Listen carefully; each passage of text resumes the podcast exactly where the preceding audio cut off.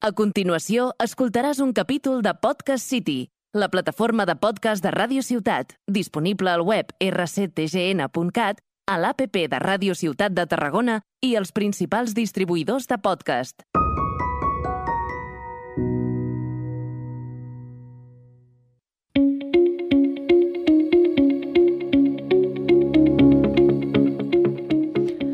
En este capítol mos centrarem en com organitzar els nostres diners.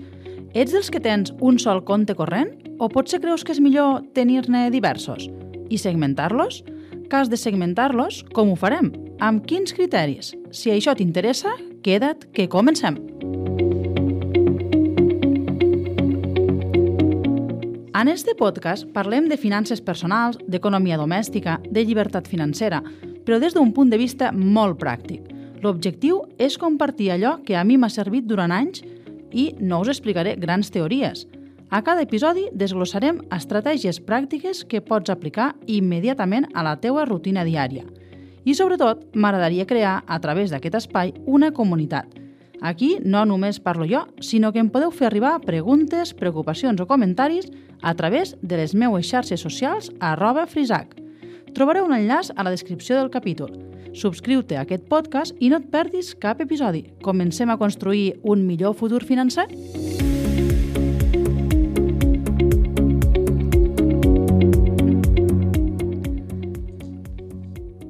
Benvinguts i benvingudes de nou. Naltres, en este capítol, arrenquem un nou any. Valtres podeu estar en qualsevol moment del temps, però naltres sí que hem aprofitat per fer una mica de restyling i introduir alguns canvis.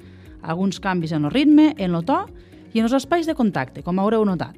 A partir d'ara, us invito a seguir les meves xarxes personals, arroba frisac, per tal de fer arribar qualsevol pregunta, dubte o també els vostres comentaris, si us agrada el contingut que publico.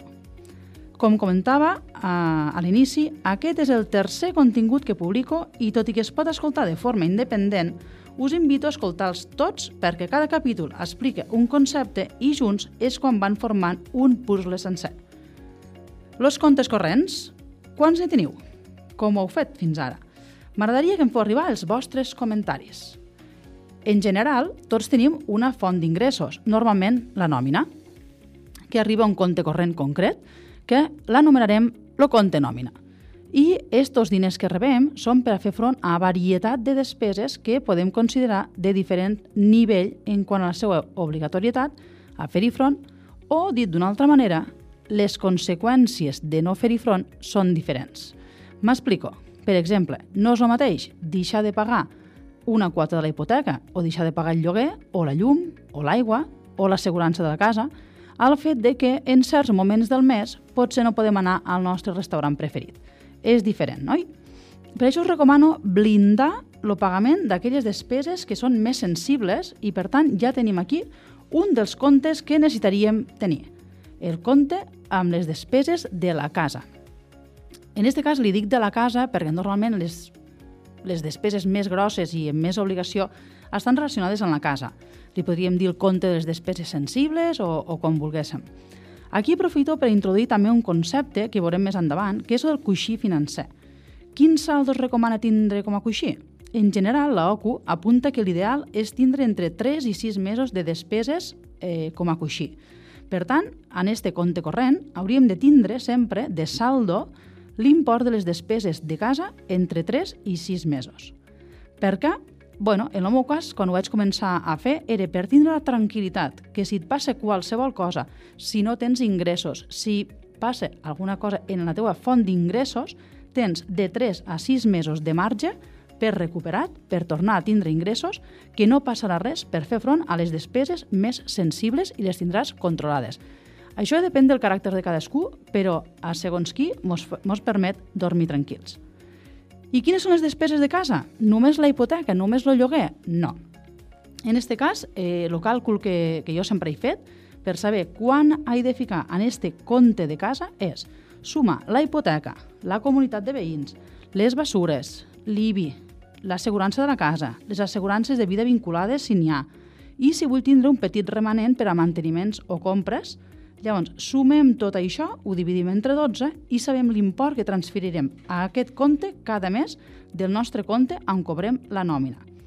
En aquest cas, si, la, no, per exemple, la hipoteca són 500, tenim la llum, tenim l'IBI, etc etc, pot ser que haguéssim de transferir uns 700 euros en este compte per fer front a, a tot. Òbviament, la, en aquest cas, l'IBI, la quota de la comunitat, etc, anirà domiciliat en este compte de la casa.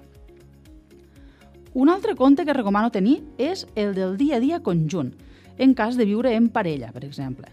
Caldrà que les dues persones tinguin targeta d'aquest compte, òbviament, i quines despeses pagarem des d'aquest compte? pues, principalment el menjar, i, per exemple, des d'aquí també es pot pagar l'oci conjunt o els restaurants, així que s'ha acabat la discussió qui paga a l'acabar un sopar. Se paga des del compte conjunt, allí donen els dos, han fet aportacions i ja està.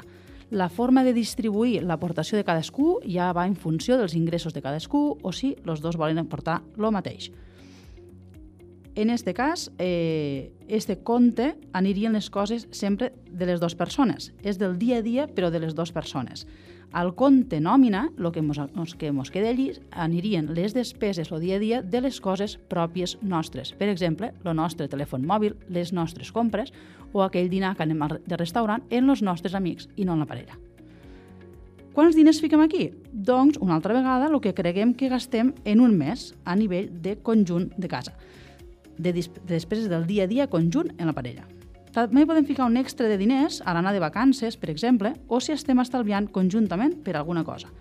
Com us podeu imaginar, en aquesta idea surt un altre dels comptes que recomano tenir, els estalvis.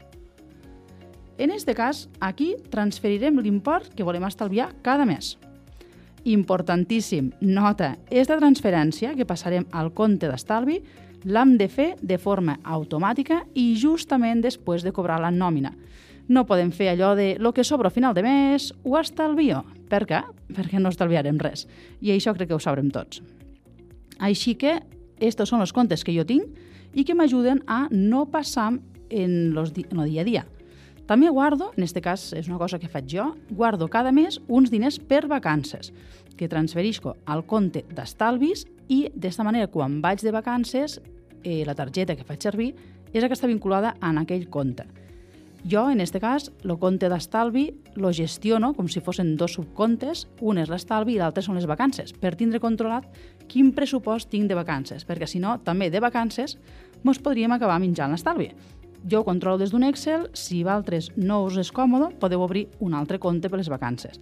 Però sí que està bé que, per exemple, eh, si anem de vacances al juliol o concentrem vacances en alguns mesos concrets, eh, no surto d'aquell mes totes les vacances, sinó que cada mes estalviem una mica per les vacances. Jo ho he fet així i bueno, m'ha permès eh, viatjar bastant. De, de, de, ho recomano totalment, feu. I a més, dona la sensació que vas de vacances de forma gratuïta. Pareix que sigui gratis viatjar.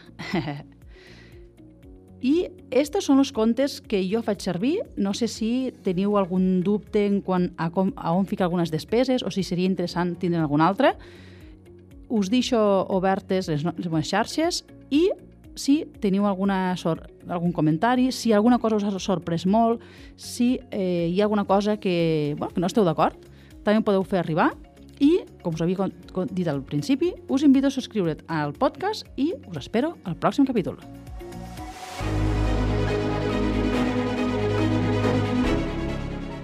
En resum, els comptes corrents ens ajuden a veure el disponible que tenim en cada moment – i per això recomano no tenir-ho tot a la vista i tenir almenys els següents comptes. Lo compte nòmina, que és on rebem la nòmina i des d'on distribuirem els diners i des d'on farem front a les despeses del dia a dia personals, com per exemple el nostre cotxe, el nostre mòbil, si estem subscrits a algun lloc o els nostres restaurants. Un altre compte en les despeses de la casa per despeses sensibles i de màxima obligació en aquest compte, a més, mirarem de tenir sempre un saldo d'entre 3 i 6 mesos del total de despeses sensibles. L'altre compte, un compte conjunt per les despeses del dia a dia conjuntes amb la nostra parella, si és el cas, i per últim, però no menys important, un compte amb l'estalvi. Esperem que si no ho tenies així, aquest contingut et serveixi per millorar la gestió de la teva economia. Aquí comença la construcció del teu millor futur financer. Has escoltat un capítol de Podcast City, la plataforma de podcast de Ràdio Ciutat, disponible al web rctgn.cat, a l'APP de Ràdio Ciutat de Tarragona i els principals distribuïdors de podcast.